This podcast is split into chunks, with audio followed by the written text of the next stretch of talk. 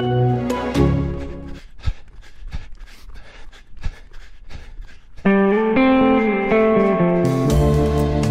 is de morning after, de ochtend na die unieke marathon op Twente Airport. Bijzondere locatie, bijzondere prestaties ook. De prestatie van de dag.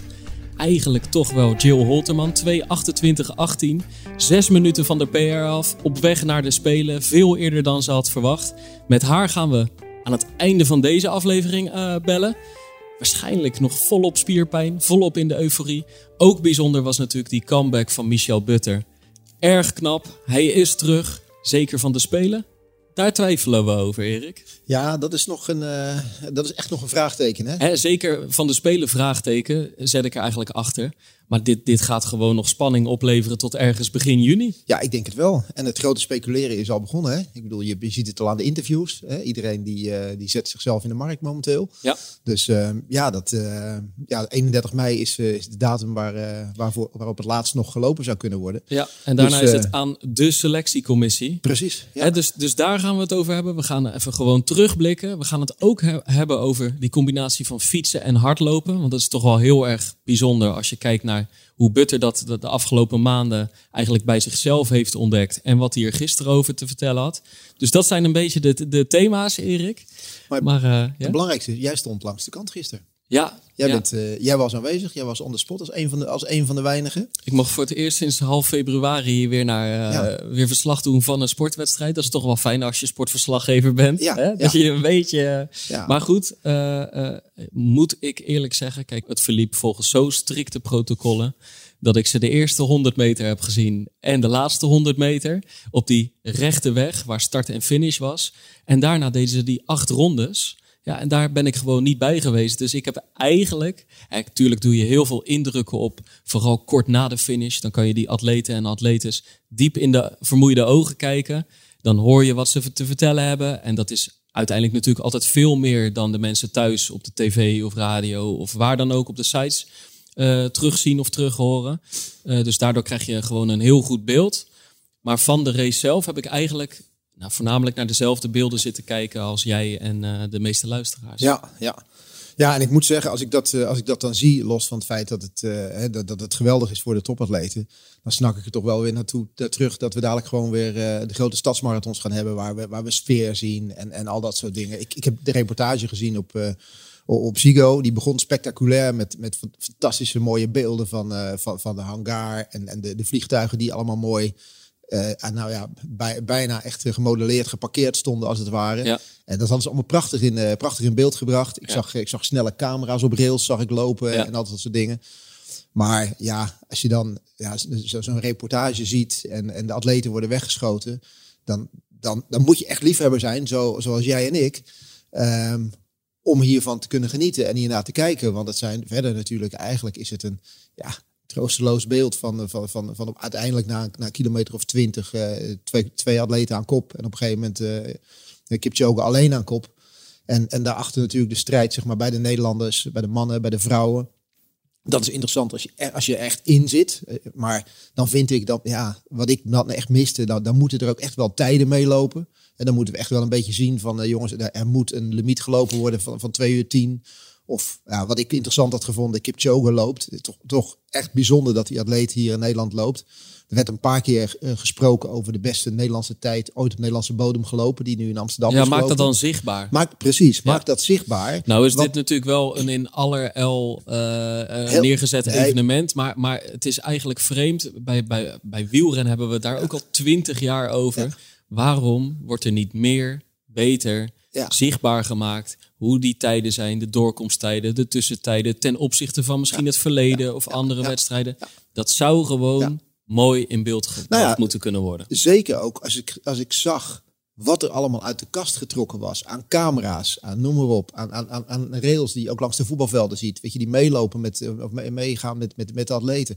Er was dan zoveel gedacht. Maar aan datgene wat het nou echt aantrekkelijk maakt voor de kijker. En dat is, dat is uiteindelijk gewoon een tijd, een GPS. Die gewoon tegenwoordig in het wielrennen bij iedereen mee, meegaat. Ik bedoel, als ik gisterenmiddag naar de Formule 1 zit te kijken. Al die auto's hebben een GPS. We weten, van ieder moment weten we hoeveel seconden mensen achter elkaar aanlopen. Dat moet niet zo moeilijk zijn volgens mij. Om Dus- dat, eh, dat te kunnen doen. Dus samengevat, de pacer, hè? jij en ik, Ja. wij breken hier een lans. Ja, Elke najaarsmarathon in Nederland. En dan hebben we het over de grotere organisaties, dus Amsterdam en Rotterdam.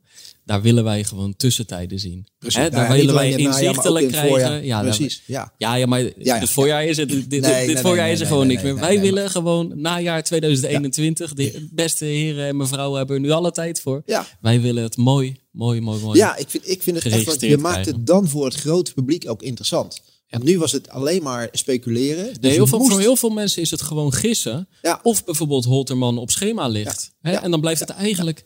eh, de, de, de, de mensen die er heel veel verstand van hebben... die weten via internet dan nog hun weg te vinden. Met van die live... Maar dat weet gewoon niet iedereen. Nee, maar je moet dan dus, als je dat goed wil doen, dan moet je die hele marathon uitzitten. Dan moet je op het moment dat de startschot gaat, moet je je eigen stopwatch indrukken. En dan moet je hopen dat je af en toe een kilometertijd ziet. Ik zal heel eerlijk zijn.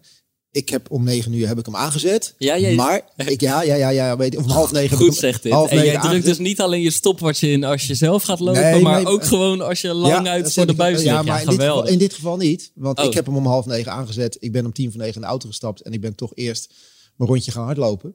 Oké. En eh, ben naderhand thuisgekomen, eventjes helemaal niet op de telefoon gekeken en de tv weer aangezet. Maar ik heb hem daardoor eigenlijk in een uur tijd, heb ik hem gewoon gekeken. Ik heb iedere keer doorgespoeld. Eh, ik heb Choga, moet ik eerlijk zeggen, fantastisch, maar ik geloof in het wel. Dus iedere keer op het moment dat de Nederlandse groep in beeld kwam, ik heb hem daar stilgezet, weer naar die Nederlandse groep gekeken. Hoe zag dat eruit? Weet je wel, wie zat goed, eh, wie niet? En op die manier heb ik hem eigenlijk in een korte tijd heb ik hem uit zitten kijken. Maar dan, dan komt zeg maar aan het eind die apotheose nog met Jill Holterman Ja. dan wil je toch weten of zij op schema loopt of niet. En ja, eigenlijk het enige moment dat ik het wist, was dat die laatste 100 meter, dat dan net even die klok in beeld komt van de finishlijn, waarin je ziet dat ze het gaat halen. Nee, het is echt, eh, no- nogmaals, eh, het, het, is hoog tijd. Want eh, het is gewoon moeilijk kijken voor een breed publiek naar een marathon. Hè? Het selecte groepje kenners, liefhebbers, die, gaat die zit gewoon bijna heel zo'n wedstrijd uit. Zelfs jij, die gaat dus, kiest nu- dus nog even voor een ander loopje Ja. en voor af en toe doorspoelen. Met andere woorden, willen we dat populairder maken, als hè, organisaties dat willen, als een sport dat wil, dan moeten er technische foefjes worden bedacht. En eigenlijk, Ja, er zo spectaculair hoeft dat er niet. helemaal niet te zijn. Maar dan moeten er meer cijfers, et cetera, in beeld eh, worden gebracht. Ja, Ja, ja, Punt gemaakt, punt gemaakt. Zo, hey. We- vind ik ook. Opdoeken. We kunnen wel afsluiten nu. Ja. Dit, dit was hem voor vandaag. Blijf luisteren, blijf Ja, lopen. ja. Tot... Oh Ja. nee, nee, we gaan nog even Maar mocht door. die marathon in de toekomst aantrekkelijker zijn, Ja. Dan weet je in ieder geval Dan- waar de credits Dan weten luisteraars waar het begonnen is. Ja, gewoon even hashtag de pacer Ja, erbij. de- gewoon over tig jaar in de geschiedenisboeken. Van, en dan wordt er aan hoogleraren de vraag gesteld: wat was nou het kantelpunt? Het was wel een breekpunt. En dan zeggen ze maandag 19, ma- eh, 19 april, de dag na die NN Mission Marathon. Precies. Nou ja, toen zaten er twee wijze heren tegenover elkaar Juist. op de twaalfde verdieping van het AD in de zaal Forza. Ja, ze slaapt nog een beetje in de ogen, maar eh, toch zo scherp al. precies. Hè? Om dit, om Baanbrekende brengen. ideeën. Ja, precies. En de Ja. sport is gewoon, Ja. ja. gewoon een andere weg Ja. ingeslagen sindsdien. Nou ja, en aangezien we heel veel luisteraars hebben, verwacht ik dat het wel ergens door gaat zijpelen, toch? Ja, ja, ja. Nou ja, ik, wij luisteren altijd graag naar de Dik voor elkaar podcast. Heel Hè? graag, heel Rotterdammers graag. als dat we zijn. Die ook nog wel eens in de Kuip willen, willen belanden. In normale situatie. Die hebben het altijd over miljoenen luisteraars. Als zij aan miljoenen luisteraars zitten, dan, loopt het bij ons ook wel in de honderdduizenden. Nou, dat, ja. Ja. denk jij niet? dat, nou, dat zou zomaar kunnen. Ja. Ik bedoel, als je zeg maar de verhouding voetbal atletiek bekijkt, Ja. dan denk ik inderdaad als zij een miljoenen luisteraars zitten, dat dat, dat, dat zeker zou Ja. moeten kunnen. Kijk, wij hebben van de week hebben we gesproken met eh Björn Koreman en Frank Futselaar. Ja. Ja. als, als dat soort mensen aangeven dat zij graag naar de Pacer luisteren, op weg naar een marathon of op de loopband, ja, dat, dan, dan moeten er honderdduizend volgel- Precies, dan- volgelingen zijn dan moeten wij natuurlijk. uitermate populair zijn. Ja, ja. De- we- kijk, we hebben het niet altijd door, maar het is gaande. Ja, dat is Hè? zeker. Het is gaande. Ja, het enige wat ik daar nog wel bij mis, Ja? weet je wel, als ik dan naar die Dik voor elkaar podcast luister, hoor ik de laatste paar keer dat de mannen van Smit 7 is daar een beetje vis aanschuiven Ja. zo tussendoor, Ja. tussen de podcast. Niet dat ik daar 's morgens vroeg al op zit te wachten, Nee. maar een kleine lunch zeg maar. Nou ja, zeker. Want, want Helemaal niet eh, gek. kijk, kijk, wij zijn altijd wars van commercie geweest. Hè? Ja, Wij zijn gewoon liefhebbers. We doen dit graag. Eh, ik werk voor het AD. Het AD vindt het hartstikke leuk dat ik dit doe. Maar het wordt eigenlijk wel tijd. Hè? Als je dit soort luisteraantallen bereikt, Ja. dan, dan moeten daar partijen bij inspringen ja, natuurlijk. maar dat zouden er niet, zouden er geen marketingmensen zitten te luisteren zeg maar, die, eh, die daar, toch? Ja, tien, tientallen, misschien wel honderden. Ja. Ik bedoel, zij hebben Chris Woerts, maar misschien vindt Chris Woerts dit ook wel interessant om toch ja, dat denk zich ik een beetje in die atletiek te gaan mengen. Ja, dat denk ik wel. Daar is dus, Chris vast wel voor te porren. dus nou, mocht, hij, mocht hij via via dit weer gaan luisteren, want uiteindelijk gaat het toch ergens op de brele terechtkomen, ja. dan staan wij er gewoon voor open hoor. Ja, ja, ja. Punt gemaakt, zou ik willen zeker. zeggen. Wederom. Hey, wat, wat, wat, wat, waar moeten we het nog meer over hebben? Kipchoge, hè, dus het Keniaanse volkslied klonk. Kipchoge, 2.430. Jij, jij spoelde af en toe door. Het, is, het blijft toch ook wel heel mooi kijken naar die man als hij aan het lopen is. Want hij, hij, loopt op een gegeven moment weg. Hij versnelde eigenlijk niet echt. Daar leek het op. Alleen de andere, ja, daar, hè, hun energievoorraad was gewoon leeg. Dat was eerder het geval. Maar die techniek, en dan zeker als hij dus, nou ja, eigenlijk zie je het bij hem altijd, behalve dus in Londen, waar hij echt aan het spartelen was. Maar als hij een goede race loopt, en gisteren was een goede race, baanbrekende tijd, maar dat wisten we eigenlijk op voorhand. Dit was voor hem gewoon belangrijk, ik denk voor zijn sponsoren, voor zijn achterban en ook om het lijf en de geest een keer te testen op weg naar de Spelen toe, dan is er gewoon niks op zijn techniek aan te merken. Ook in die laatste kilometers. Het is gewoon zo mooi. Ja, zo energiezuinig, zo efficiënt. En daarnaast vind ik, eh, voor die mensen die eventueel zijn gaan twijfelen na die voorjaarsmarathon in, eh, in Londen, of je het nog wel zou kunnen. Hij loopt was gewoon weer heel goed. Hij loopt hier gewoon solo naar 204 toe. Ja. En alsof, ja, ik wil niet zeggen alsof het een trainingsrondje is, maar ik had nou niet de indruk dat het, uh, dat het hem heel veel, moeite, heel veel moeite heeft gekost om deze tijd te lopen. En als dit je basis is, nou, ik wil nog zien als je, uh, de omstandigheden in Sapporo zullen anders zijn dan die hier zijn. Maar als dit je basis is, met een, uh, met een Olympisch record, wat ooit gelopen is van, van, van, van 206. Nou, dan wil ik nog zien wie er in zo'n race eventjes uh, even voor Kipchoge gaat, uh, gaat zitten. Ja, dus En dan wordt natuurlijk een hele andere race. Maar afschrijven hoeven we de man voorlopig nog steeds nou, niet. Nee, dat was ik ook niet van plan trouwens. Nee, nee, nee, hey, en dan ongeveer zes minuten daarna komt Michel Butter over de streep. Nou, echt mooie laatste kilometers, waarin echt die strijd en dat knokken heel duidelijk uh, werd. Hè. Hij had nog een Belg bij zich, die hoefde niet harder. Hij vroeg hem wel even van, kom ook mee op kop. Mee. Ja, een soort wielerhandje was ja, het, hè? Ja, ja, ja, mooi. Ja, nee, dat, dat, dat, is, dat heeft hij uit die groep van Ten Dam en, zo meegenomen natuurlijk.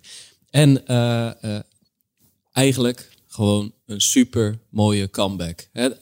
Als je, wij spreken hem vaak, nu ook in een andere hoedanigheid. Maar de beste man is in september gestopt met topsport. Na echt een baanzomer waarin het gewoon niet goed genoeg meer was. Het lijf was stram. Op het NK werd hij bijna een ronde ingehaald op een gegeven moment. Op de 5000 meter zelfs. Ja, ja, hij zat er gewoon niet lekker in op dat moment.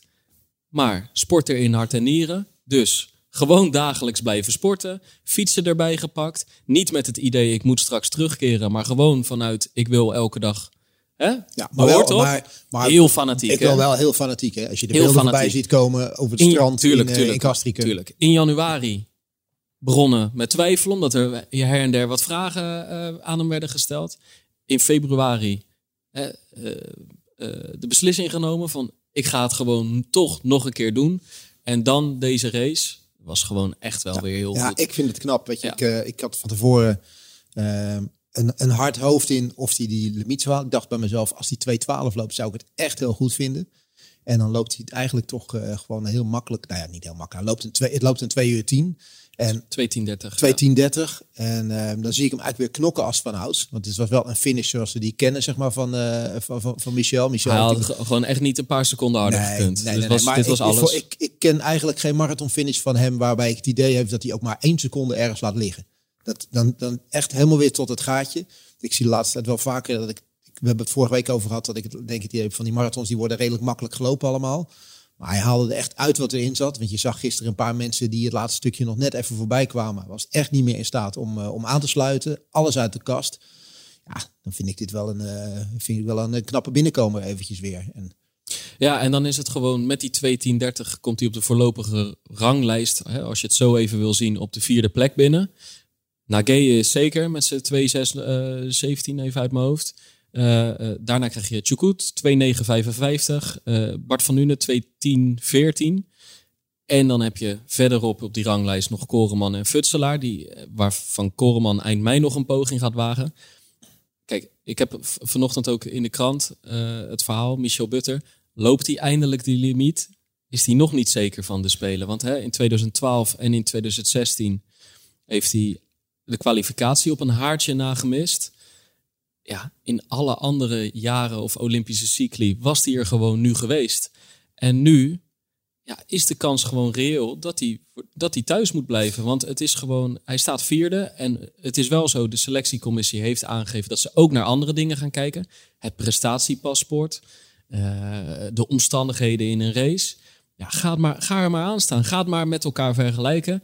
Je noemde het al eerder, die mannen zetten zich nu in de markt. Iedereen heeft natuurlijk een paar goede argumenten waarom hij moet worden meegenomen. En die hebben ook echt allemaal goede argumenten. Want voor Chukut valt veel te zeggen. Eigenlijk was het ook een soort comeback. Alleen, die, die, had, die had natuurlijk geen punt achter zijn topsportcarrière gezet. Maar gevoelsmatig was het een beetje een comeback. Van Nune heeft nog heel de toekomst voor zich. Had ook een struikelpartij in Valencia. Heeft een belaste marathon, uh, belaste lijf dit jaar niet met een marathon. Tot en met de Spelen in principe. Maar je hebt, je hebt me gisteren de vraag gesteld. Dus... Ja, dus moeten we, moeten even naar luisteren. Dit is dus, uh, voor, even, even voor het beeld. Dit is zo'n 10 à 15 minuten nadat hij uh, over de streep komt op Twente Airport. We luisteren naar Michel Butter. Ten eerste, ik loop onder de limiet van 2.11.30. Dat was natuurlijk een hele gekke plan uh, een paar maanden geleden. En dan komt er iets bij en dan moet je op een gegeven moment eigenlijk, uh, om uh, zeker te willen zijn, moet je onder die 2.10.14 gaan. Want dan wordt het wel, nou zeker, dan, dan, dan ben je in ieder geval in derde positie. En dan heb je natuurlijk al betere kaarten dan als je er boven zit. Uh, maar ja, weet je, ik heb gewoon een hele goede marathon laten zien. Ik heb die, het was vandaag een strijd tussen de Nederlanders. Dat was een hele oorspronkelijk idee. Ja. Uh, ik weet niet, maar die heb ik naar mijn hand getrokken. Ik weet niet hoe die andere jongens uiteindelijk hebben gedaan. Maar ik weet dat ik voor ze zat in ieder geval. En uh, dus dat, laat ik, dat maak ik af. Uh, ik denk idealiter voor, voor vandaag dat ik even begin, het even te hard ging, waardoor ik toch wat eigenlijk glycogeen kwijt ben geraakt. Waardoor ik niet meer die jump had op het einde. En dat ik juist echt hard, hard moest werken. Maar ja, in januari uh, bedenk ik dit experiment, zeg maar. Van ik, fiets een hoop en ik loop ernaast. En uh, het gaat hartstikke goed, laten we hier eens voor gaan. En ik geloof hier gewoon heilig in dat dit een weg is dat, dat, voor meer mensen weggelegd is. Die ofwel minder belast zijn of hun carrière willen verlengen. Door gewoon veel uren te maken op de fiets en daarnaast te lopen. Uh, en ik denk ook dat als ik nu nog ook weer met tijd heb, dat ik nog uh, stappen ga maken. Ik denk ook dat uh, de selectiecommissie voor een lastige taak staat. Want ik zit er weliswaar wel iets. Ik zit boven de tijd van bijvoorbeeld Bart en, en Galit. Maar ja, ga maar eens vergelijken. Weet je wel, de ene wedstrijd met de andere wedstrijd. En er zijn meerdere factoren die natuurlijk wegen. Waaronder een, een prestatiepaspoort. Ook progressie en dat soort dingen natuurlijk. Er zijn meerdere factoren. Maar ja, die prestatiepaspoort die heb ik natuurlijk wel ja, dat staat wel goed bij mij wat dat betreft. Dus uh, ik, ja, ik heb in ieder geval ik, een, uh, een goede marathon neergezet en daar ben ik blij om. Ja, want jullie mogen, echt, jullie mogen uiteindelijk echt op gesprek daar. En dan heb je een soort sollicitatie als het ware. Wat, wat ga jij zeggen? Ja, ik, ik weet er echt het fijne niet van. Want ik, ben, ik heb natuurlijk met dat soort dingen helemaal niet, niet mee bezig gehouden, maar dat begreep ik ook. Ja. Uh, ja, wat moet ik zeggen? Waarom jij naar Tokio moet. Ja, nee, ja, maar ik bedoel, dat, dat, dat klopt zonder meer. Maar uh, volgens mij uh, spreekt uh, mijn, mijn verleden wel, wel voor zich. Ik denk dat mijn constantheid en mijn ervarenheid over natuurlijk tien jaar altijd goed is geweest. En ja, waarbij ik natuurlijk in 2012, 15 en 17 uh, weet je, die, die, die periodes echt het absolute Europese top behoorden in Boston. Zeven in de Snickhater Marathon in New York natuurlijk. Tactisch uh, het sterkst ben. Dat is natuurlijk mijn wapen. Dat ik, dat ik een marathon kan lezen en dat ik die ervaring heb. en juist in Boston en New York. ik, ben ik kan wel een tijd lopen, maar ik ben juist ten opzichte van mijn concurrenten. ligt daar natuurlijk mijn grote kracht. dat ik zo'n wedstrijd kan lezen. En dat heb ik ja, in 2012 laten zien in Boston en in 2017 bij, uh, in New York. En ik ben denk ik de enige die dat, uh, ja, misschien heeft natuurlijk ook een kampioenschap gehaald, maar in, in zo'n soort marathon dat heeft gedaan. Dus ik denk dat dat in mijn voordeel spreekt. Vind je het een goed systeem dat de commissie dat moet doen? Of zeg je nou, ik had liever trials gehad. Ik had liefst gehad dat iedereen vandaag hier was natuurlijk. Dat was het beste geweest en het leukste. Dat zou voor de toekomst misschien ook helemaal niet zo slecht zijn. Want ik denk uh, dat, uh, dat het heel veel heeft losgemaakt. Ten eerste dat we natuurlijk allemaal hè, een kans ineens op de Olympische limiet hebben. Met alle ontwikkelingen die daaraan hebben bijgedragen. Maar volgens mij is het wel hartstikke gaaf. En als je hier nou ooit een keertje voor elkaar krijgt om een trial te organiseren met een mannetje of 10 of 15. Ja, er gebeurt van alles. Dat zie je alleen al vandaag. Dan wordt het in één marathon bepaald en eerst het is ja. Vertel eens, hoe was het gewoon om weer een marathon te lopen?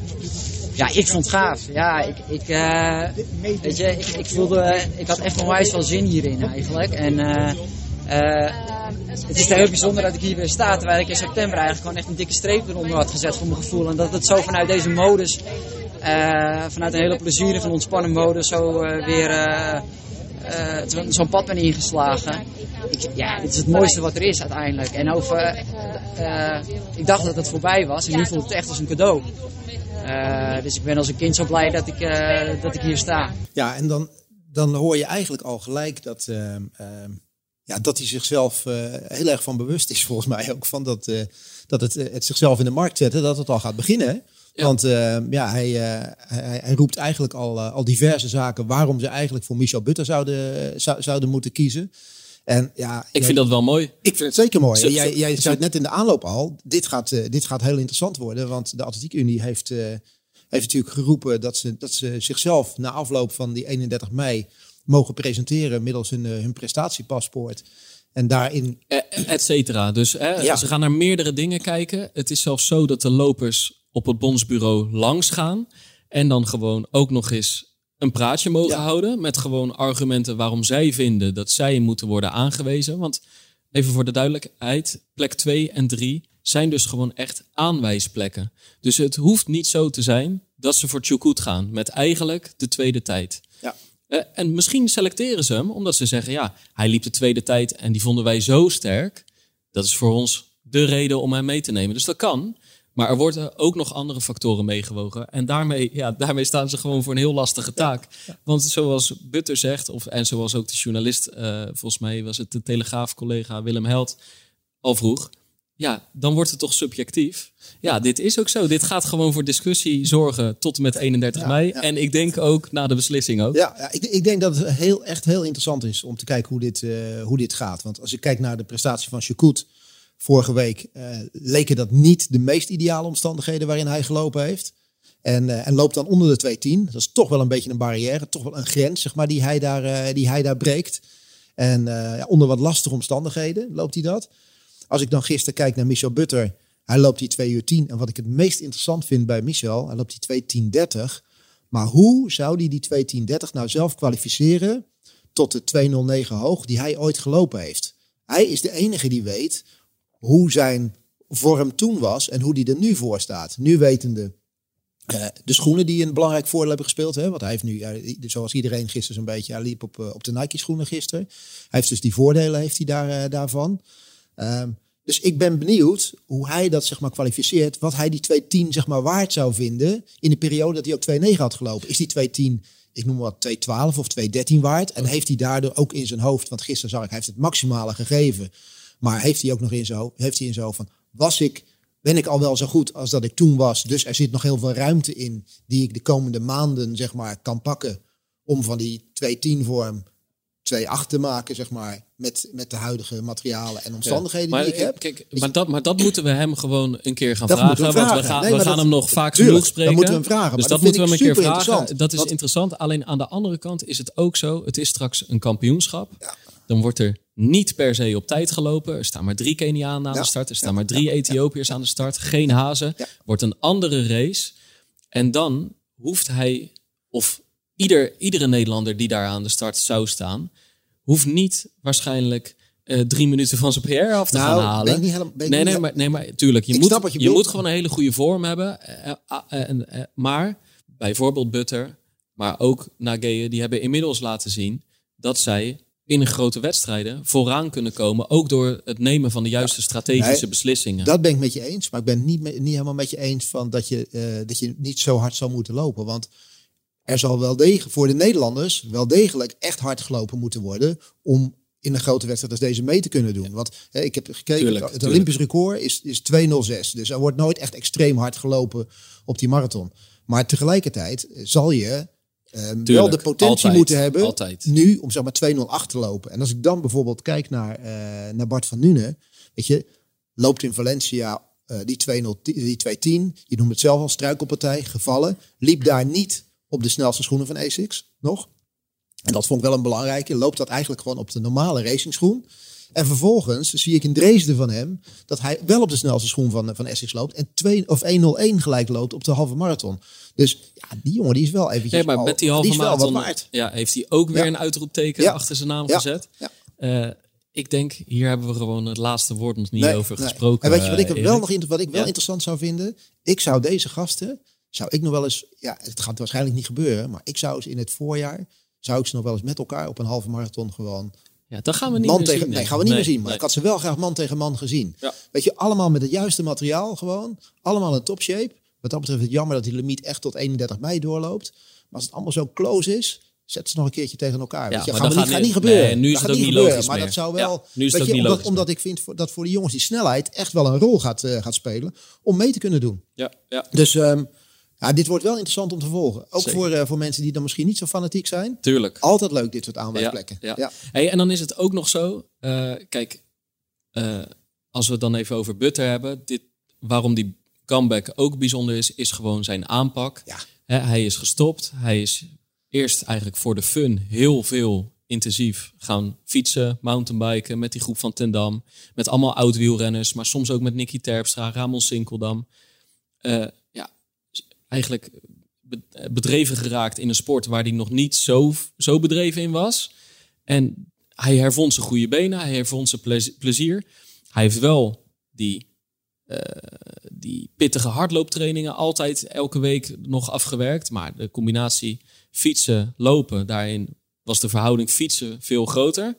Eh, en daar, daar zei hij ook nog wat interessant over. Want Ja. hij maakte echt bijna een statement na de finish. ja, en terecht. Ja, Dus, ja, eh, mooi. Zullen we daar even naar luisteren? Zeker. Als je kijkt naar lopers eh, die bijvoorbeeld 180 kilometer in de week lopen, ja, die maken ongeveer 12 uur in de week. En duursporters zoals triatleten, fietsers en zwemmen, die zitten al gauw boven de 20. Ik denk dat de toekomst, en eh, ik denk dat we daar nog een brug mee gaan slaan ook, en dat ik daar een onderdeel van uit ga maken, veel meer eh, uren eh, moeten gaan maken en dat daar de progressie zit. Dus we hebben de technologische ontwikkeling. Maar we hebben ook nog een stukje fysieke ontwikkeling. We moeten gewoon meer kunnen doen en meer gaan doen. En dan gaan we nog stappen maken. Ik heb bewezen met, eh, met eh, heel veel fietsen vooral en een beetje lopen dat het al kan. Ja, want het gaat dan om- meer om je cardiovasculair systeem dan je, Ja. dan je, je, je, je benen. En jij zit helemaal zo. Ja, ja, hij hij is eh, goed, goed Ja, bij hoor. ja, ja. ja. Anders heeft fietsen geen zin. Want dat, zit niet- Nee, nee, dus, dus, eh, dus het heeft, je moet wel blijven lopen. En Je moet wel, ik, wat ik heb gedaan is heel veel in de kwaliteit, alles in de kwaliteit lopen. En al mijn duurwerk in het fietsen. En soms ook nog wel echt pittige intervaltrainingen, zelfs met fietsen. Dus dat moest ik op een gegeven moment een beetje opletten dat ik niet elke dag hard aan het trainen was. Dus, eh, en die combinatie moet je kunnen ma- blijven maken. In combinatie op zich wel met de technologische ontwikkeling.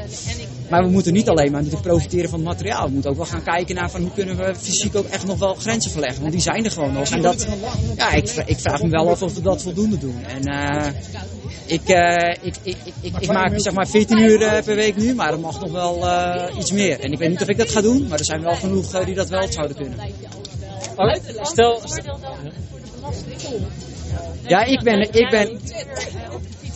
Ja, dus ik denk twee dingen. Ik denk dat je misschien je carrière daardoor kan verlengen. Want ik was fysiek wel minder fit dan de afgelopen. Ik was nu fitter dan de afgelopen twee jaar. Dus ik werd stijver. En, eh, dus dat heeft een, eh, zijn voordelen gehad. Dus verlengen. En eh, belastbaarheid. Dus als atleten minder belastbaar zijn, kunnen ze dat heel, heel goed opvangen met gewoon heel veel fietsen. En eh, de impact van de marathon is natuurlijk ook minder groot geworden dan dat het in het verleden was door de schoenen.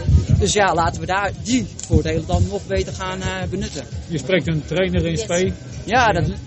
Nou ja, ik, heb- is, maar ik heb natuurlijk wel een beetje ervaring onderhand, dus ik weet ook wel waar, waar de winst eh, eh, te behalen valt. Dus eh, ik, ik, ben, ik ben meer een coach dan een trainer, maar eh, ik, ik, ik zie wel eh, de mogelijkheden. Ja. Maar stel jij mag, dan gaat die 14 gaat toch weer richting de 15 of de 16, denk ik.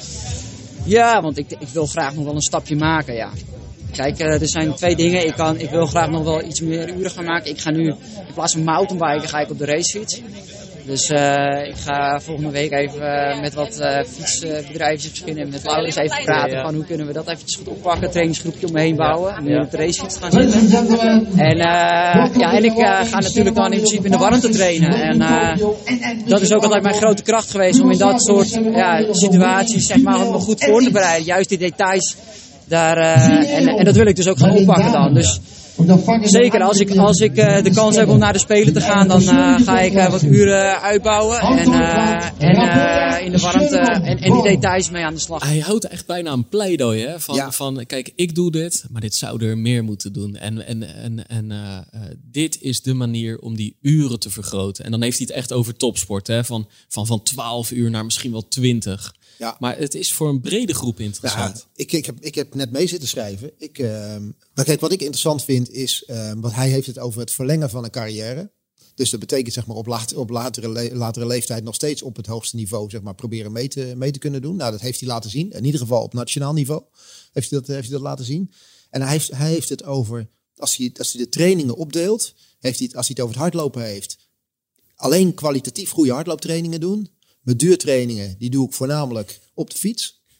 Waardoor ze minder belastend zijn. En iedereen weet zelf hè, dat die, die, lang, die lange, langzame duurloop die er soms is, dat die best wel super belastend kan zijn. Het zijn voornamelijk ook de loopjes van 40 minuten, 50 minuten, 60 minuten. En dan bij een topsporter als hem is dat vaak de tweede training van de dag. Waardoor dat soort gasten op 160, 170, 180 of 150 kilometer uitkomen. En die zijn er eigenlijk. Die extra, die extra uren. Om aan die enorme omvang te komen, die zijn er af. En toch komt hij op meer uur dan toen uit, omdat je dus wel drie uur kan fietsen. Terwijl soms zo'n tweede loopje van een uur voor je lijf al hartstikke zwaar kan zijn. En, en, en, en dan hebben we het nu over dit niveau. Maar dat is voor iedereen wel interessant. Ik heb ook wel eens zo'n dag dat je echt jezelf naar buiten moet schoppen. Omdat drie kwartier hardlopen op lode poten hartstikke zwaar aanvoelt. Bijvoorbeeld op een maandag als je op zondag intensief en lang hebt getraind. Dan, dan is 40 minuten lopen lijkt al ver. Terwijl twee uur op een racefiets dan wel te doen is. Ja, ja maar dat, is ook, uh, dat was ook de reden waarom heel veel lopers eigenlijk altijd zeggen van ja, weet je, dat fietsen vind ik heel leuk. Ik doe het niet, want het kost me te veel tijd. Maar in dit geval is het gewoon echt wel een, eh, echt wel een voordeel. hè? Je moet natuurlijk wel twee uur fietsen om een uur hardlopen te kunnen nabootsen. dus maar het, is, wel veel minder dus belastend. Dus het, het, het is tijdrovend. Maar voor de mensen die juist die tijd misschien wel hebben, of die tijd ervoor vrij willen maken en op zoek zijn naar meer duur, ja. hè, alleen soms geremd worden door dat blessuregevoelige aspect en de, en de impact van het hardlopen. Dat je denkt van ja, ik zou misschien wel meer willen doen, maar ik kan gewoon, hè, het is gewoon niet verstandig. Ja, daar is dan toch die fiets. En met in gedachten nu bijvoorbeeld de prestatie van Butter ja, dat, dat maakt het wel heel interessant. En ik ga toch, ik ga binnenkort vragen aan zo. Van hoe, hoe, ik heb gewoon een racefiets in de kelder staan. Ik ben echt een mooi weerfietser. Van gewoon oktober tot en met maart raak ik hem eigenlijk niet aan. Ik heb er tot nu toe, dit, toen, toen we even voordat die hagel en sneeuw weer kwam en zo, heb ik hem twee keer aangeraakt. Ik vond het toch wel weer lekker. Dus ik ga binnenkort toch wel aan die twee vragen van al is het maar één keer in de twee weken, op zo'n dag dat je naar buiten kijkt en denkt, nou, ik, en je hebt de tijd. Ik heb eigenlijk wel zin om 2,5 uur op die racefiets te stappen. Alleen bij mij vind ik, dan moet er wel echt een gedachte achter zitten. Dus ik ga ook aan hem vragen, ja, in welke hartslagzone zou dat dan moeten? En uh, met welke intentie stap je dan op dat zadel? Moet ik, want, want kijk, bij Butter is het natuurlijk, dat is niet lostrappen. Nee, nee, dat nee, is echt elke keer weer dat lichaam pushen, want hij fietst eigenlijk met betere fietsers mee. Dus, eh, en dan vaak ook nog door het mullen zand, et cetera. Kijk, eh, ik ga hier gewoon het asfalt op. Maar dus ik, ik ben wel benieuwd naar als zij dat, hè, als ze daarachter staan, dat ik af en toe op een fiets stap. Wanneer doe je dat dan en met welke intentie? Je kan zeggen, maar hij gaat het ook doen. Hè? Hij sprak net ook over het feit dat hij de mountainbike nu gaat inruilen voor de wegfiets. Ik bedoel, de periode ja. waarin hij nu gefietst heeft, is ook niet een periode dat hij echt veel op de weg kan fietsen. En dus dat, hij gaat straks ook de weg op. Maar ik vind het zeker interessant. Ik heb een aantal maanden geleden, ik ben helemaal geen fietser, maar ik, uh, ik, ik, loop wel continu in die kleine pijntjes iedere keer. Hè? De blasbaarheid. Nogal, Erik. Nogal. Ja, ja, ik vind het echt vervelend. Ik maak een hardlooppodcast met een hardloopmaatje. Ja. Die gewoon echt wel een beetje aan het kwakkelen is de is laatste een beetje tijd. Aan het het is moeilijk om te zien. Nee, maar kijk, de laatste, de laatste weken gaat, weer beter, gaat, het weer, gaat het weer wat beter.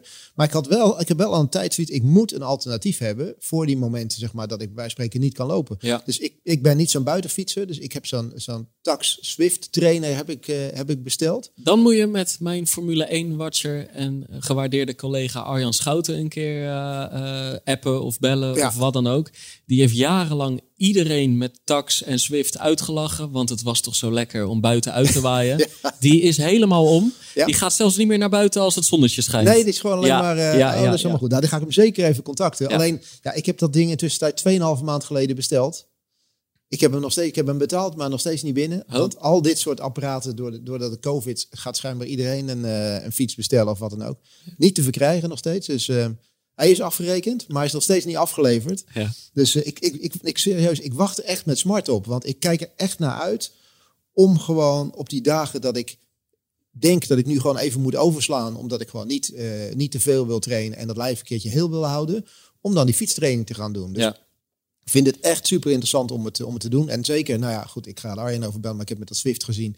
Weet je, je wil toch een beetje fanatiek zijn. Nou, Ja. Dat is wel een manier om dat, eh, om dat te kunnen doen. Dus ja, ik ga daar zeker mee, mee aan de slag. En ik, ja, we, Ja, we want je rijdt op virtuele parcoursen. Je rijdt Ja. of een berg Ja. op, of je rijdt tegen andere eh Ja, want deelnemers. daarom, weet je, het moet wel enigszins ergens over gaan. En of het dan op mijn niveau is of wat dan ook. Ik vind het moet wel ergens over gaan. Ja, tuurlijk. Ja, ik Hey, bedoel- en fiets jij het liefst met of zonder zadel?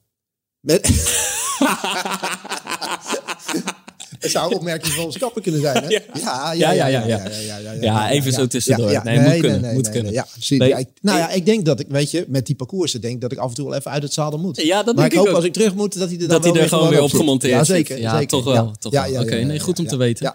Hey, nog... eh, eh, ja. Eh, waar het me ook aan deed denken, nu deze terugkeer van Butter.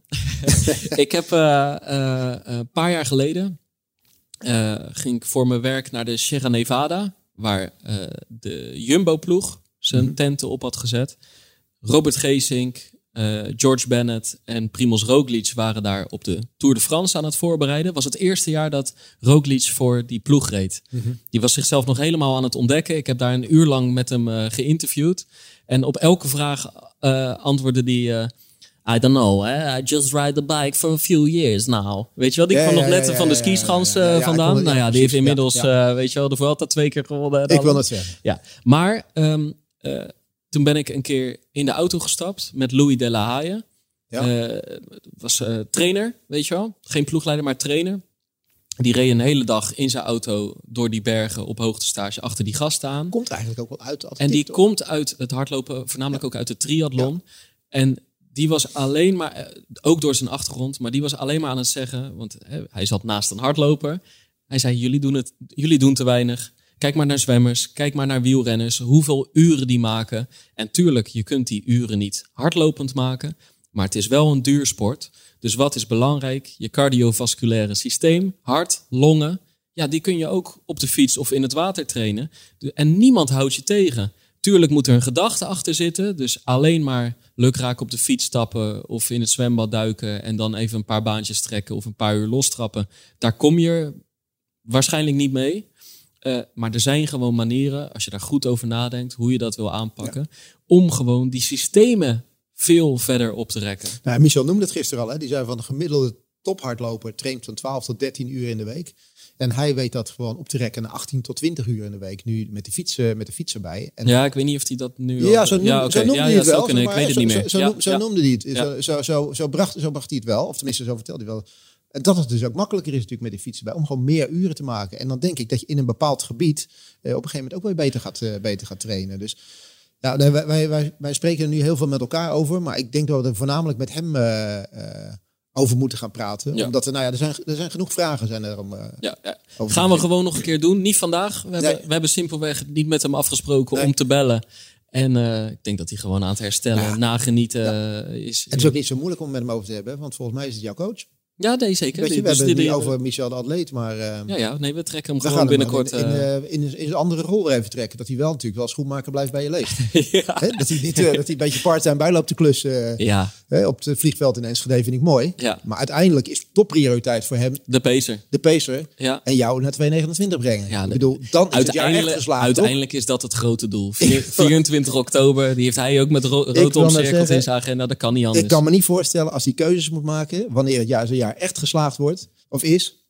Zou ik zeggen 24 oktober. Dat staat, moet gewoon echt heel dik in Ja. zijn agenda zeg Ja. maar, eh, onderstreept Ja. staan. Ja. Is het, lijkt mij wel. Even in het eh, verlengde hiervan Ja. trouwens. Hè, wij hebben het nu altijd over het fietsen. Wat je ook de laatste jaren veel meer ziet. Die elliptigo hè. Dus dan zijn die topsport... Nee, maar nee, maar ik niet dat wij Ja. daar nu Ja. aan gaan beginnen. Nee, maar dan zijn de topsporters even eh eh, Achillespees, kuit, Ja. wat dan ook. Ja. En dan stappen ze daarop. En dan weten ze toch die Ja. systemen aan te spreken. Ja, klopt. Ja, ik vind ja. Nee, Maar ja, dan gaan wij het niet... En, ik, eh, ik, weet je, ik, ik vind het, het is een mooi apparaat en het bootst die hardloopbeweging na. Maar als ik heel eerlijk moet zijn, ik vind het er niet uitzien. Nee, het is, ik En heb het wel eens een futuristische step genoemd. Ja, Toen ja. werd Miranda Boonstra was een beetje gepikeerd. Ja, ja. Want het was geen nee, step. weet je, maar, eh, ik snap, ik snap de hele beweging nee, maar hoor. Maar ik, ik, heb snap wel dat als je topsporter bent, dan snap ik dat het een uitkomst is op het moment dat je niet kan hardlopen, Ja. maar wel dat kan doen. Het kan uit, maar, maar de fiets is nu ook wel die uitkomst. Zeker. Maar ik, maar ik weet niet of ik me langs de rotte op die elliptico, het, eh, langs al die andere mensen. Nee, ons ga je er niet Nee, mee niet, eh, voorlopig. nee. Nee. Voorlopig. Nee.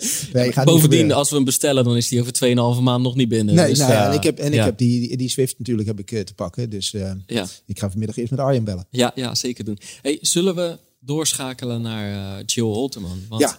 We hadden afgesproken, het is nu eh 1 minuut voor 10. We hadden prestaties gesproken. We hadden, ja, en we hadden afgesproken met haar eh, om om 10 uur te bellen. Dus dat, dat Nou, gaan we dan gewoon Weet je, doen. wij zijn mannen van de tijd. nou, dat, dat zou niet...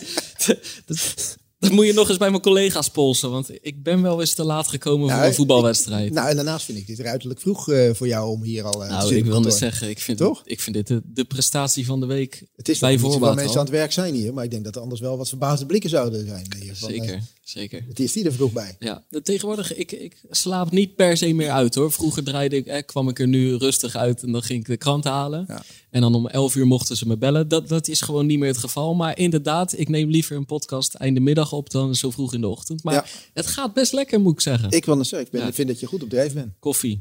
Koffie doet wonderen altijd. Ja, ja Holterman was gewoon, eh, die voegt zich bij Andrea Deelstra. Ja. Daar, bij die vrouwen is niet een dergelijke strijd als bij de mannen. Dus die is eigenlijk wel zeker. Hè? Als Ja. ze fit Ja, dat- blijft, dat denk ik wel. dan, eh, dan, dan is ze er We gewoon. spraken er afgelopen week en eh, Ja, toen gaf ze aan dat het moeilijk zou worden. Alleen in Nou, het als allerlaatste al- deel van dat gesprek Ja. zei ze, maar ik ga het gewoon doen. ja, ze gaat het doen. Ja, ja, ja, ja. Mooi, dat vertrouwen was toen inderdaad eh, goed te horen. We gaan er nu bellen. Met Jill.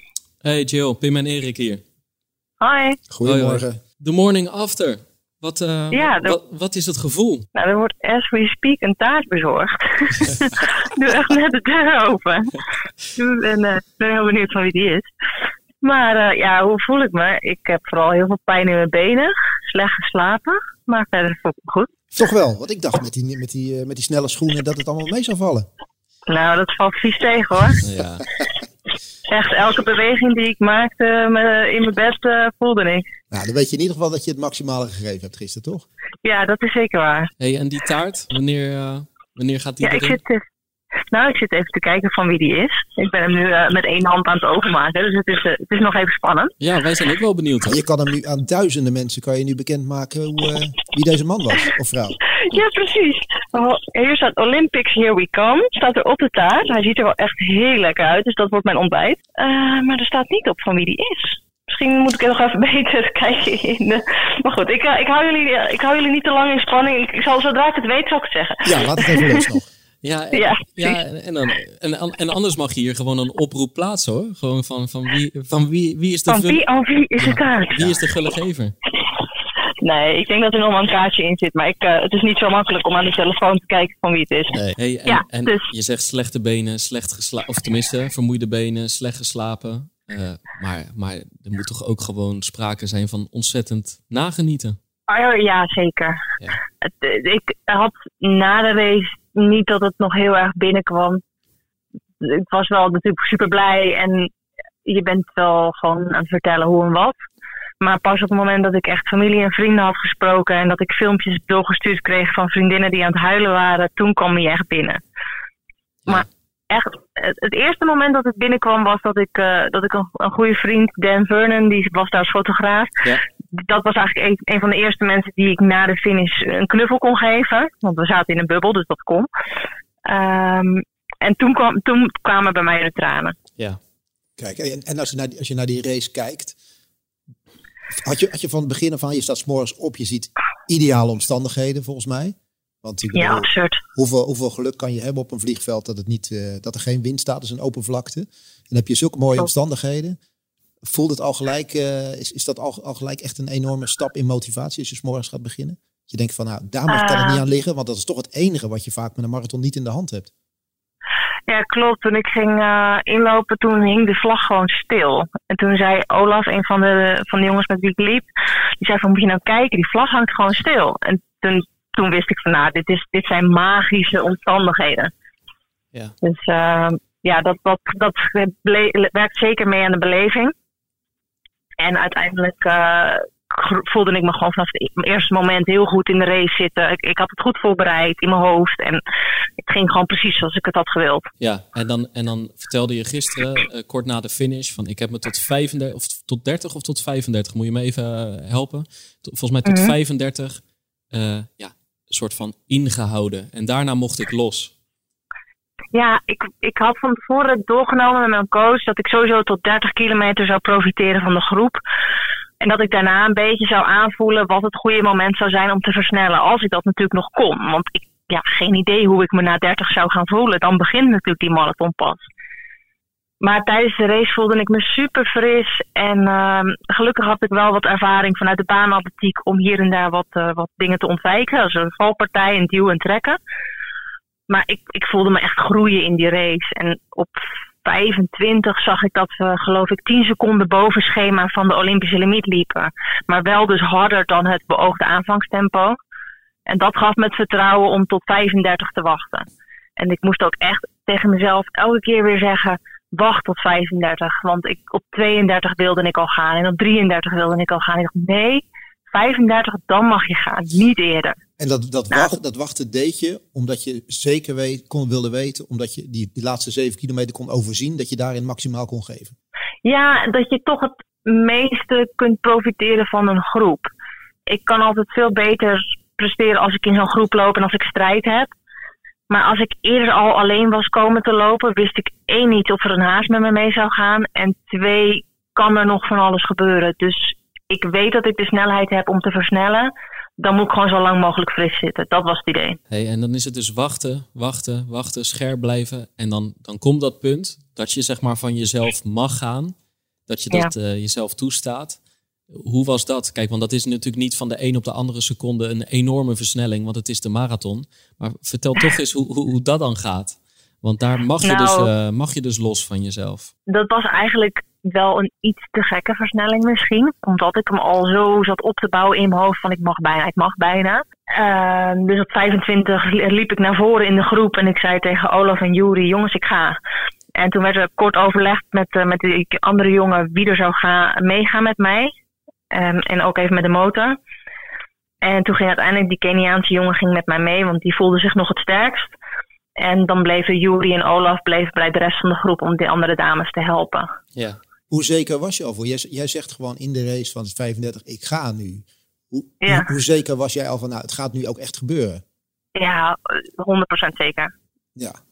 Ik was er zeker van dat ik, dat, dat ik ging, zeg maar. Niet zeker van dat ik de limiet zou lopen. Want ik wist ook, ik kan nog steeds stuk gaan. Je weet nooit wat er gaat gebeuren op zo'n marathon. Maar ik voelde me zo sterk. En die eerste kilometer dat ik versneld was, was volgens mij op 3,25. Dus daarmee ja. pakte ik al 7 seconden terug. Ja, dat is, dat hard. is echt wel iets te hard. Um, maar dat bleven we zo'n beetje lopen, denk ik. Ik heb hem net op Strava gezet, dus je kunt de kilometertijden zien. Ah, mooi. Maar um, ik geloof op 40, toen, toen had ik het wel echt even, dat zat ik wel echt even doorheen. Dus ik dacht, oh, hoe ga ik dit doen? Uh, mijn benen deden zeer, het, mijn pas werd korter. Maar ik zat onder schema van de Olympische Limiet. Dus ik wist, ik moet gewoon ontspannen blijven lopen. Niet te veel pushen, want dan kan ik misschien kramp krijgen. Maar wel blijven pushen dat ik straks eronder blijf zitten. Ja.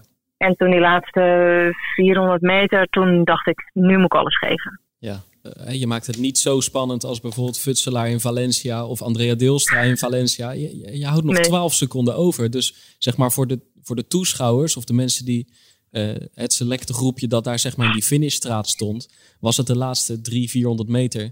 Ja, werd het toch wel duidelijk dat je het echt, echt ging halen. Klopt. Maar voor mezelf was het pas, wat zag ik die klok natuurlijk pas vrij laat. Ja. 100 meter voor de finish. Dus toen pas zag ik het zelf. Ja. Tot, tot dat moment was ik gewoon bezig met zo hard mogelijk richting die finish lopen. Maar er werd vanaf de motor wel al geschreeuwd, Jill, je gaat het doen. Kom op, nu alles geven. Je had geen klokje om waar je zelf af en toe op keek van... Uh... Hoe ver ben ik? Jawel, ik had, ja, ik had een horloge op, maar in de laatste kilometers heb ik niet meer gekeken. Ik denk op 40 dat ik voor het laatst gekeken heb. Of daar stond een klok. Daar heb ik niet eens op mijn horloge gekeken, denk ik. Maar daar stond een klok. En toen zag ik dat ik geloof ik nog iets van acht minuten had om de limiet te lopen. Maar het was misschien nog wel minder. Dus ik wist, ik moet doorlopen. Ik moet niet nu eh, gaan lopen feestvieren of zo. Ik moet gewoon doorlopen, want het kan nog steeds erboven zitten. Ja, dus, uh, maar ik, ja, ik heb niet te veel op mijn klok gekeken. Ik ben gewoon gaan racen. Ja, hey, en dan, dan is het dus gelukt. En jij, jij hebt uh, nou ja, eigenlijk nog niet eens zo heel lang geleden een gewaagde, mooie, gedurfde stap genomen. Hè? Je, ben, je bent je baan als advocaat eigenlijk heb, heb, je opgezegd voor die, voor die topsportdroom. Alles opzij zetten voor de sport. En, en, mhm. en uh, uh, eigenlijk mensen om je heen verzameld om je te ondersteunen in het project Take Me to Paris. Ja. En maar nu, nu, nu, nu krijgt het zo'n stroomversnelling. Dat, dat, dat, had beter Take Me to Tokyo kunnen heten. Want dat allitereert ten eerste beter. Maar dit is, dit is voor iedereen wel gewoon. Eh, dit is eigenlijk sneller dan verwacht, toch, Jill? Ja, dit is ook sneller dan verwacht. En daarom heb ik ook nooit gezegd Take Me to Tokyo. Want ik zeg geen dingen waar ik niet zelf achter sta. Of waarvan ik denk dat het misschien te grootspraak is of zo. Mhm. Ik ben echt wel van gedurfde dromen en doelen uitspreken. Maar uiteindelijk was het, toen ik anderhalf jaar geleden stopte als advocaat, was het doel Parijs. Op dat moment was er ook helemaal geen sprake van Tokio. Want ik zou nog niet een marathon gaan lopen. Dat zou ik na Parijs, de EK halve, zou ik daar aan gaan denken en naartoe gaan werken. Maar ja, COVID heeft gewoon alles veranderd. Ja. Maar af en toe durf je toch wel stiekem uitspreken. Want wij spraken jou uh, een paar dagen geleden in, in onze podcast. En toen zei je, het gaat ongelooflijk lastig worden, maar ik ga het wel doen. Klopt, ik spreek het ook zeker wel uit. En ik ben ook wel, ben ook wel iemand die tegenwoordig dromen durft uit te spreken. Maar op het moment dat ik dus stopte met mijn werk als advocaat, was daar geen sprake van. Toen was het niet realistisch om het te hebben over Tokio. Want de marathon zou ik nog niet aan beginnen. En de 10.000 meter was de limiet in mijn ogen te scherp om te halen. Dan ga ik niet zeggen, take me to Tokyo of uh, my, my road to Tokyo. Want dat is in, was op dat moment in mijn ogen niet geloofwaardig, maar Parijs wel. En doordat het natuurlijk een jaar is uitgesteld, ben ik er langzaam in gaan geloven en heb ik het een kans gegeven. En dan ga ik het op een gegeven moment ook wel uitspreken, zoals inderdaad vorige week bij jullie. Ja. En, en als je dan, dan kijkt in de periode tussen jouw laatste marathon in, in Valencia en nu, wat, wat is er in die periode gebeurd waardoor jij uh, deze enorme stap hebt kunnen maken? Ja, dan moet je eigenlijk al teruggaan van de periode voor Valencia. Want mijn voorbereiding voor Valencia was niet heel goed. Dus ik stond daar niet super fit aan de start. Ik, stond, ik, ik had daar niet het niveau wat je zou kunnen hebben als je echt goed getraind hebt op basis van de tijd die ik op een halve marathon al had gelopen.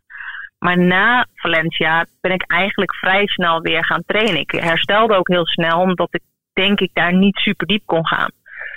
Um, dus, dus vanuit die basis die ik toen gelegd heb, ik, kon een marathon lopen. Misschien nog niet op het niveau wat ik wilde, maar ik kon een marathon lopen. Ben ik door gaan trainen en ben ik mijn niveau gaan verbeteren. Is mijn basis veel sterker geworden en heb ik echt hele goede weken gedraaid. Dat is in mijn ogen de grootste stap geweest. Maar er zijn natuurlijk ook andere dingen die meespelen. Um, zoals bijvoorbeeld dat ik nu een groep had met hazen. En in Valencia liep ik grotendeels alleen. De omstandigheden in het parcours waren nu perfect. En in Valencia stond er toch nog aardig wat wind. Uh, ik ben op andere schoenen gaan lopen. Dat moet je ook niet gaan uh, ontkennen of zo. Dat, dat speelt ook een rol. En ik ben ook meer gaan samenwerken met een diëtist. Um, waardoor ik echt heel gefocust bezig ben geweest met op de juiste momenten de juiste voeding tot me nemen. Niet met de intentie om af te vallen, maar wel om te zorgen dat ik voldoende energie had om mijn trainingen te doen. En daardoor beter kon herstellen. Alles bij elkaar was alles gewoon veel beter. Ja. Hey, dat vind ik toch wel interessant, want uh, uh, ik denk dat, dat veel lopers uh, daar op, op ieder niveau, hè, als ze fanatiek zijn, dat in, in elk geval interessant vinden. En dan zijn ze niet echt bezig met ik moet afvallen, maar wel met hoe kan ik voeding gebruiken om zo snel mogelijk te herstellen, uh, genoeg energie te hebben. Welke, welke, wat is de grootste verandering bij jou uh, geweest, de grootste aanpassing? Nou, ik ben wel meer gaan eten, denk ik. Mm -hmm. Dus sowieso meer momenten op de dag. Er waren echt dagen bij dat ik dacht van, oh, ik zit nog vol van mijn vorige maaltijd en ik moet nu eigenlijk alweer wat gaan eten. Um, ik ben ook andere producten gaan gebruiken. Dus uh, producten die ik misschien niet vanzelfsprekend vond. Maar als ik een eh, als voorbeeld een, een zware marathontraining had gehad, dan stelde mijn diëtist Greg, die stelde dan voor om bijvoorbeeld met witbrood te ontbijten. En ik vond, voelde dat als heel ongezond. Want ik zei van ja, maar ik, ik eet liever havermout of volkorenbrood, maar witbrood voelde voor mij heel ongezond. En toen zei hij ja, maar het is veel ongezonder als jij je reserves niet gewoon meteen aanvult. Ja. Dus dat zijn kleine details ehm, die we gewoon op heel hoog niveau met elkaar hebben gedaan. Ja, ja. Hey, en en eh, eh, ik kan me voorstellen, sinds je zeg maar eh, gestopt bent als advocaat, je hebt de tijd gekregen, je hebt de weekomvang waarschijnlijk ontzettend kunnen vergroten en je heb je daardoor ook meer kunnen richten op die details. Is het uiteindelijk die, die stap die je hebt genomen, was, dit zon, was dit zonder ook mogelijk geweest? Nee, nee, daar ben ik van overtuigd. Ja. Ja, want ik denk dat je ook, ook uh, de factor rust natuurlijk ook een rol speelt. Dat speelt een hele grote rol. Ik heb zoveel beter herstelvermogen doordat ik niet continu aansta. Uh, dat ik werkte als advocaat was natuurlijk een grotendeels een zittend beroep. Maar je hebt toch ook wel stress van deadlines. En soms moet je s'avonds werken, soms moet je in het weekend werken. Uh, je moet eerder gaan hardlopen omdat je anders niet op tijd op je werk bent. Dus dat, dat geeft stress en dat is ook een extra belasting op je lijf. En nu herstel ik veel beter, kan ik zwaarder trainen, kan ik meer trainen. Ik ben veel belastbaarder geworden als atleet. En ook mijn coach die zegt, dat is een wereld van verschil. Het is een compleet andere atleet waar ik mee werk. Ja, hey, en dan, dan uh, uh, ja, nu maakt het alles waar, toch? Want je, hebt niet, je geeft niet zomaar iets op. Het is gewoon een goede baan waar je hard voor gestudeerd hebt. Interessant. Uh, daar heb je ongetwijfeld lang over getwijfeld van ga ik dat doen, kan ik dat doen? En dan kan ik me zo voorstellen van alles ging al een tijdje goed, maar dit is een soort definitieve bevestiging dat het inderdaad ook, ook hè, goed uitpakt. Voor mijzelf was die bevestiging al vorig jaar toen ik in CPC die 1.11 liep. Juist. Daar maakte ik zo'n grote stap in, in, in mijn niveau, dat van 1.13,5 naar 1.11.41. Dat was echt puur op basis van meer rusten Hmm. en beter trainen. En dat was nog maar een hele korte periode. Want ik was ook terug aan het komen van, uh, van wat fysieke ongemakken. En uh, ik, ik, had geloof ik wat. Uh, ik was geblesseerd geweest.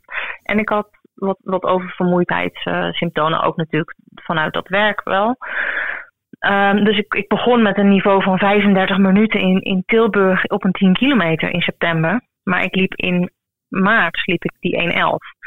En dat was voor mij eigenlijk echt wel de bevestiging dat ik de juiste keuze heb gemaakt. Ja. Maar van, ik denk dat deze marathon wel gezien kan worden als mijn definitieve doorbraak. Ja, ja, ja. ja. En waar, waar ligt bij jou de extra ruimte die er nog in zit? Want uh, je, hebt, je hebt nu die, die 228 heb je, heb je staan. Uh, je hebt net verteld waarin je de laatste periode uh, aan gewerkt hebt om, om nog beter te worden. Maar dit is het natuurlijk voor jou nog niet. Ik bedoel, dit moet naar meer smaken. Heb je, heb je al een, een, beetje een idee wat jullie eraan gaan doen om, om jouw niveau nog, nog beter en nog hoger te maken dan dat het nu al is? Nou, ik heb nog niet zo uitgebreid met, Gerard erover gesproken hoe we het nog weer beter kunnen maken. Maar qua training ben ik nog lang niet op het niveau van de meeste marathonlopers waar hij mee gewerkt heeft. Dus het kan qua belastbaarheid nog wel beter en qua continuïteit in training. Ik heb nu natuurlijk ook een, een toch een onderbreking gehad in de laatste fase. Ja. Dus daar zit zeker nog wel ruimte en die basis kan beter. Mijn duurlopen gaan nog steeds niet super hard. Um, ik ben heel blij als ik bijvoorbeeld zo'n 40 kilometer in gemiddeld 4 rond kan lopen. Uh, maar daar zit nog wel marge. Dat kan nog wel wat, wat harder. Ook als ik kijk naar de andere dames tegen wie ik loop, die, die daar wel, uh, dat zijn wel meer dames die echt harde duurlopen doen. En dat is bij mij nog iets waar verbetering mogelijk is. Durf, durf je daar in de komende periode al aan te werken? Want je, je zweeft natuurlijk altijd op het randje van uh, de, de balans van geblesseerd zijn en fit blijven als topsporter. Je, je, je, je kwalificeert je nu voor, voor, voor Tokio. Daar wil je helemaal topfit aan de start staan. Durf, durf je die risico's te nemen de komende periode om, om, om daar nog, nog net een stapje in te maken in aanloop daar naartoe? Nou, ik moet nu eerst even gewoon een week goed herstellen. Dat, uh, Heel dat verstandig. Is ja. dat nee, is zeker. prioriteit. Bedoel, dat, dat sowieso. We hadden het niet per se over morgen of overmorgen, nee, inderdaad. Ah, nee, nee. Maar ja, ik denk dat, dat we eerst wel weer gewoon een maand basistraining gaan doen. Juist om dat duur weer even goed uh, uh, op te krikken. Maar ook de snelheid en de, en de kracht. En gewoon even weer alles wat, wat basisvoorwaarden zijn om hard te lopen. daar weer even aandacht aan te schenken. En dan ga je steeds specifieker trainen. Dus ik denk dat, dat we dat automatisch wel doen. We zijn altijd met elkaar aan het kijken naar wat beter kan. Ja. Hey, en heb je al voor jezelf, het is, nog heel kort dag, maar heb je al eh, iets gevisualiseerd over hoe het er straks daar in Sapporo uit gaat eh, komen te zien? Die, eh, die marathon op 800 kilometer van de Olympische stad eigenlijk. Eh, heb je er al een bepaalde verwachting bij hoe dat gaat zijn? Nou, niet heel erg. Ik denk dat ik deze week contact zal hebben met de Atletiek Unie ook. Hoe we ervoor kunnen zorgen dat ik daar optimaal ga presteren. Ja. Want je moet je gaan voorbereiden op een, een warme marathon. Dat is natuurlijk een compleet ander plaatje dan wat we gisteren hadden. Gisteren was het fris, er stond bijna geen wind, luchtvochtigheid is heel anders. Dat, daar moet je wel iets mee gaan doen. Dus hoe het er precies uit gaat zien, weet ik niet. Ik vind het ergens wel heel erg jammer dat het niet in Tokio is bij de rest van de Spelen. Want zoals bijvoorbeeld mijn hele goede vriendin van mij, Lisanne de Witte, die loopt de 400 meter daar. Ja, ik zal haar niet gaan zien. Ja. Uh, maar we zijn allebei op de Spelen straks. Dat is wel een gek idee. Ja. Maar ja, ik, ik hoop gewoon dat ik de komende periode aan mezelf kan gaan werken. Om te zorgen dat ik daar optimaal aan de start sta en een goede race kan neerzetten. En zeker doordat het natuurlijk bi- bijzondere omstandigheden zullen zijn, kun je verrassen misschien wel. Ja, ja. Dus dat is iets wat ik wel misschien nu al wel een beetje in mijn hoofd heb van nou, ik moet daar gewoon hoog niveau hebben. Proberen door te groeien vanuit het niveau wat ik nu heb laten zien. En als ik daar tactisch de juiste keuzes maak, dan kan ik misschien wel voor een verrassing zorgen qua klassering. Ja, ja, ja, mooi. hey, uh, uh, nog één, ja, eigenlijk de meest prangende vraag, de meest belangrijkste. Van wie is de taart? Ja, goede vraag. Ik ga even naar beneden. ik weet het niet. Wacht even hoor. Heb je één momentje? Ja, we hebben alle tijd. Want dit, dit willen we weten. Nou ja, dit, dit is echt uh, chaos. Chaos. chaos in huis. ja, chaos. Maar ik, ik ga nu even kijken. nee, hier staat het ook nog steeds niet. Die is ook onverstoorbaar aan het stofzuigen, dus ik kan hem ook niet. Uh, je kan hem niet. Oké, okay, ik haal hem uit de koelkast. Komt ie, hè? Ja. Kijk. Nee, het staat er echt niet op. Het staat er gewoon echt niet op. Is ongelooflijk, dit toch? Ja. Ja, dus oh. als jullie weten van wie. Het grote mysterie, de dag na de marathon op Twente Airport. Van wie is de taart uh, die het is heel wel attent... echt een mooie taart. Ja. Wat voor taart is het dan? Nou, ik denk dat het een slagroomtaart is en hij heeft allemaal leuke, gezellige spikkels met een foto van, uh, van de wedstrijd gisteren. En er staat tekst op Olymp Olympics, here we come. Ja. Nou, dat is in ieder geval origineel bedacht van, uh, van degene die hem gegeven heeft. Maar goed, wij willen Ja, dat nou, ik vind het heel leuk. Kan je, kan je een fotootje maken en naar me sturen, uh, Jill? Die, uh, die krijgt ja, een mooi plekje op onze Instagram pagina. Ja, dan doen we een klein ja, dan doen we een oproepje of die zich toch even wil melden. Ja, misschien heb ik inmiddels wel al een bericht hoor, dat, uh, dat degene zich al gemeld heeft. Maar uh, wacht ik wel dat een van de luisteraars zal er wel tussen zitten. Vast wel, ja. Nee, ik vind het heel leuk. Oké, okay, top. Was leuk je te spreken, Jill. Fotootje ontvang ik nog. En uh, ja, herstel, herstel goed zou ik zeggen. En geniet ervan. Dat gaat wel lukken. Ja, is goed. Dankjewel. Yes, dankjewel. Oké, okay, hoi. Doei, doei. Hoi. doei, doei. Ja, Erik. Jill, we hebben er nu voor de derde keer in de Pacer. Altijd leuk eigenlijk, hè? Altijd leuk. En, uh, en helemaal uh, om iemand aan de lijn te hebben die uh, gewoon zich net gekwalificeerd heeft voor de Spelen. Want ja, dat is toch wel het ultieme wat je kunt bereiken als, als marathonloper. Is... Los van dat het altijd over tijden gaat. Weet je, de marathon is toch wel heel speciaal op de Olympische Spelen. Ja, toch? ja, ja, dat gaat. Daar draait het om. Nou, en daar gaan we nu dus op 7 en 8 of op 8 en nee, 7 en 8 augustus gaan, gaan we, de Nederlanders, dus ook echt naar Nederlanders kunnen kijken. Je weet niet of ze heel de tijd in beeld zijn, maar ze zijn er. En het wordt gewoon uh, interessant ja. om te zien hoe ze zich daar. Uh, hè? Ja, zeker hoe ze zich daar gaan manifesteren. Want uh, nou, iedereen wil toch wel proberen mee te doen. Het is een marathon in de hitte. Dus daar kunnen altijd gekke dingen kunnen er ontstaan. En ik ben wel benieuwd hoe, ver, hoe ver ze kunnen reiken wat dat betreft. Ja. En wat ik daarnaast wel interessant vond, om even, even los van die, van die spelen. Zij gaf wel even een heel mooi inkijkje over hoe je zo'n marathon moet indelen eigenlijk. Hè? Als je nou gewoon als, als luisteraar... Wachten, wachten, wachten, wachten. wachten. Daarna nog eens wachten. Hebben. Precies. Dan, dan nog even wachten. Ja. Dan eigenlijk tegen andere mensen zeggen... Ik ga straks, ik, maar ja. nu wacht ik nog even. Ja. Maar dat je het alvast weet. En, ja, ja, en ga je met me mee? Ja. Want ik wil wel... Hè, ik ben nu weliswaar nog aan het wachten. Ik ga straks, maar ik ga niet alleen. Dus nee. ga je met me mee. Dat je het wel even weet. Even wachten trouwens nog. Hey, en dan wacht je toch nog heel even. En dan, dan ga je. En die begrijp, je hoeft ook niet meer op die klok te kijken naar 40 kilometer. Kost alleen maar energie. Het gaat alleen maar op dat moment op één blik op de finish. Maar de manier waarop ze het opbouwt en de manier waarop ze eigenlijk ons eventjes meenam door die race. Dan denk ik van ja, of je nou 2,5 uur, of jij met je 2,29 of, of 3 uur of 3,5 uur of 4 uur over een marathon doet. Uiteindelijk gaat het daar wel om. Ja. Weet je, dat je het geduld kunt blijven opbrengen in die marathon. Om die eerste 30 kilometer te profiteren zeg maar, van, van de groep, van de mensen om je heen. Misschien ook wel een beetje te genieten van de omstandigheden. Dat was gisteren wat minder, want er was weinig entourage. Maar ik denk als recreant, hè, die eerste 30 kilometer, kijk om je heen, genieten van. Die moet je eigenlijk gewoon ontspannen doorkomen. Niet in paniek raken op het moment dat je een paar seconden boven je schema zit. Want dat hoorde je wel. Ze zat er gewoon 15 seconden boven. Maar gewoon dat geduld kunnen opbrengen om uiteindelijk aan het einde van de rit, zeg maar, de energie erin te kunnen leggen. Die jou zomaar, hoe heet dat, eh, ja, jouw beste tijd kunnen gaan opleveren. En eh, ja, ik denk, eh, Marathonlessen. Is een marathonles, Ja. een marathonles, Ja. ja. Nee, maar kijk, wat dat betreft kun je natuurlijk, het is nooit goed om te hard van start te gaan. Maar op een 5 of een 10 kilometer, daar mag je er enigszins invliegen. dat is wel En, anders. hè, en dan, wil, dan wil ook zo'n plan, waar, waarbij je harder eh, eh, begint dan eindigt, wil nog wel eens een hele snelle tijd opleveren. Op de marathon ga je dat toch heel vaak moeten bekopen. Nee, de marathon is er, ja, het is gewoon geduld, geduld, geduld. Gerard Nijboer zei altijd energievraagstuk. Nou ja, gewoon, zo moet je er. eh, Weet je, wat het, weet je wat het mooie is aan de marathon? Ja. Je bent eigenlijk heel lang energie aan het sparen.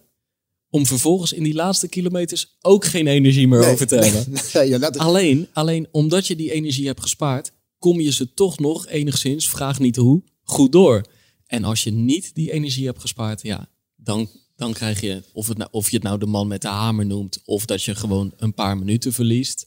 Hè, maar daar krijg je, zoals ze zeggen, de deksel op je neus. absoluut, is absoluut. Maar Jill kreeg hem niet. Die overwon gewoon de afstand gisteren. Ja, En ja, eh, niet alleen de afstand, maar ook gewoon een stopwatch op dat moment. En kwalificeert zich op een geweldige manier voor de Spelen. ja, was mooi om te zien. Ook het verhaal daarachter. Ja.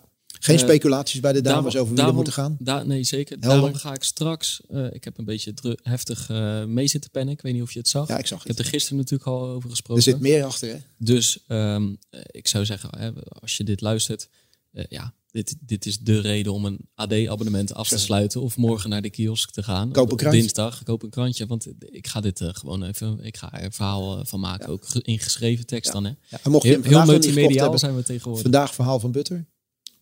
Ja, morgen- ook nog. Ook nog vandaag. Morgen verhaal van, eh van Holterman. Ja, en ik spreek met Yvette Brog, terug eh, bij de nationale handbalselectie. Ja, de- van alle markten thuis. Hè? De man is meters aan het maken. Ja, weer, eh. zo, zo zie je maar. ja, Nee. ja, ja, ja, het is niet zomaar een stukje. Nee, Ja. nee, nee, nee. Ja. Maar had je niet ook nog een stukje kunnen maken over, even iets heel anders, over, eh, over Henk Grol met, wie, met het judo gisteren? Nee, nee, nee, want nou, dat had Dat, gekund. oh, daar heb ik wel een Nee. mooi stuk al van gelezen, de- van Lisette natuurlijk. Dat Collega was- Lisette van der Ga- Die omschreef dat mooi. Die omschreef dat heel mooi, want volgens mij was het voor het eerst in jaren Ja. dat Henk Grol en Meijer tegenover elkaar stonden. Die kunnen elkaar niet luchten of zien. Ik vond die het kijken elkaar niet aan. Als, als, als, die, als diegene de, de naam alleen al horen van de andere kant, gaan ze een heel vies eh, gezicht trekken. geweldig. Eh, Maar die komen elkaar nooit tegen op de judomat, terwijl een van die twee straks naar de Spelen mag gaan. En, en echt, eh, Gisteren zij stonden beschrij- ja, gisteren stonden ze dus, volgens mij was het de kwartfinale, wel een keer tegen elkaar. En, en Lisette beschrijft echt van seconde tot seconde hoe die twee Ja. elkaar aan het negeren zijn, intimideren. En uiteindelijk trouwens hoe Grol Meijer met een ip-op gewoon even op zijn brede ruggetje Bin- legt. Binnen een minuut korte met te maken. Ja, met man. ja. Dus eh, ja, lees het AD.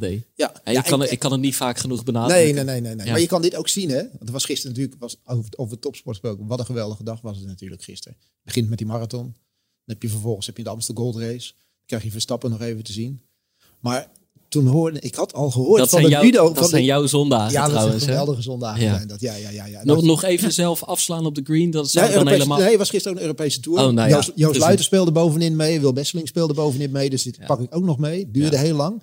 Maar ik had gelezen van dat gevecht tussen Grol en Meijer. En ik denk, ik moet dat zien. Dus je, als je even tot Studio Sport nog kan terugkijken. Ja, is het mooi. is maar twee minuutjes. Maar het is, het is geweldig om te zien. Het is geweldig om te lezen. Die krant moet je kopen.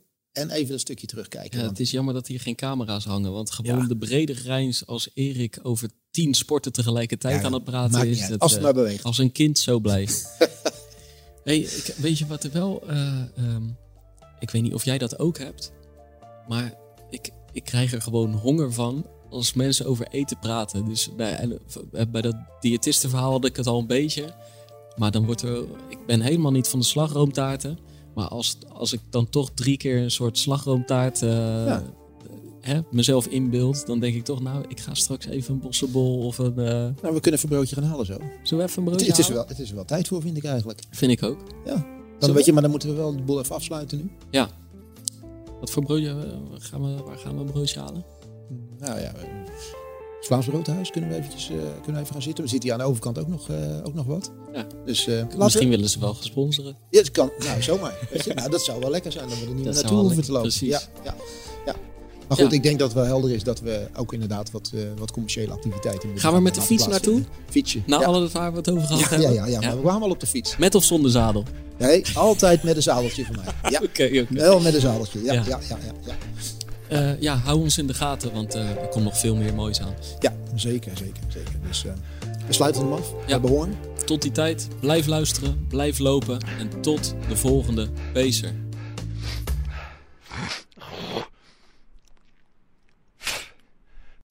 We worden dagelijks overladen met overbodige informatie. En het is moeilijk de zin van de onzin te scheiden. Daarom vertrouw ik op echte journalisten in plaats van meningen.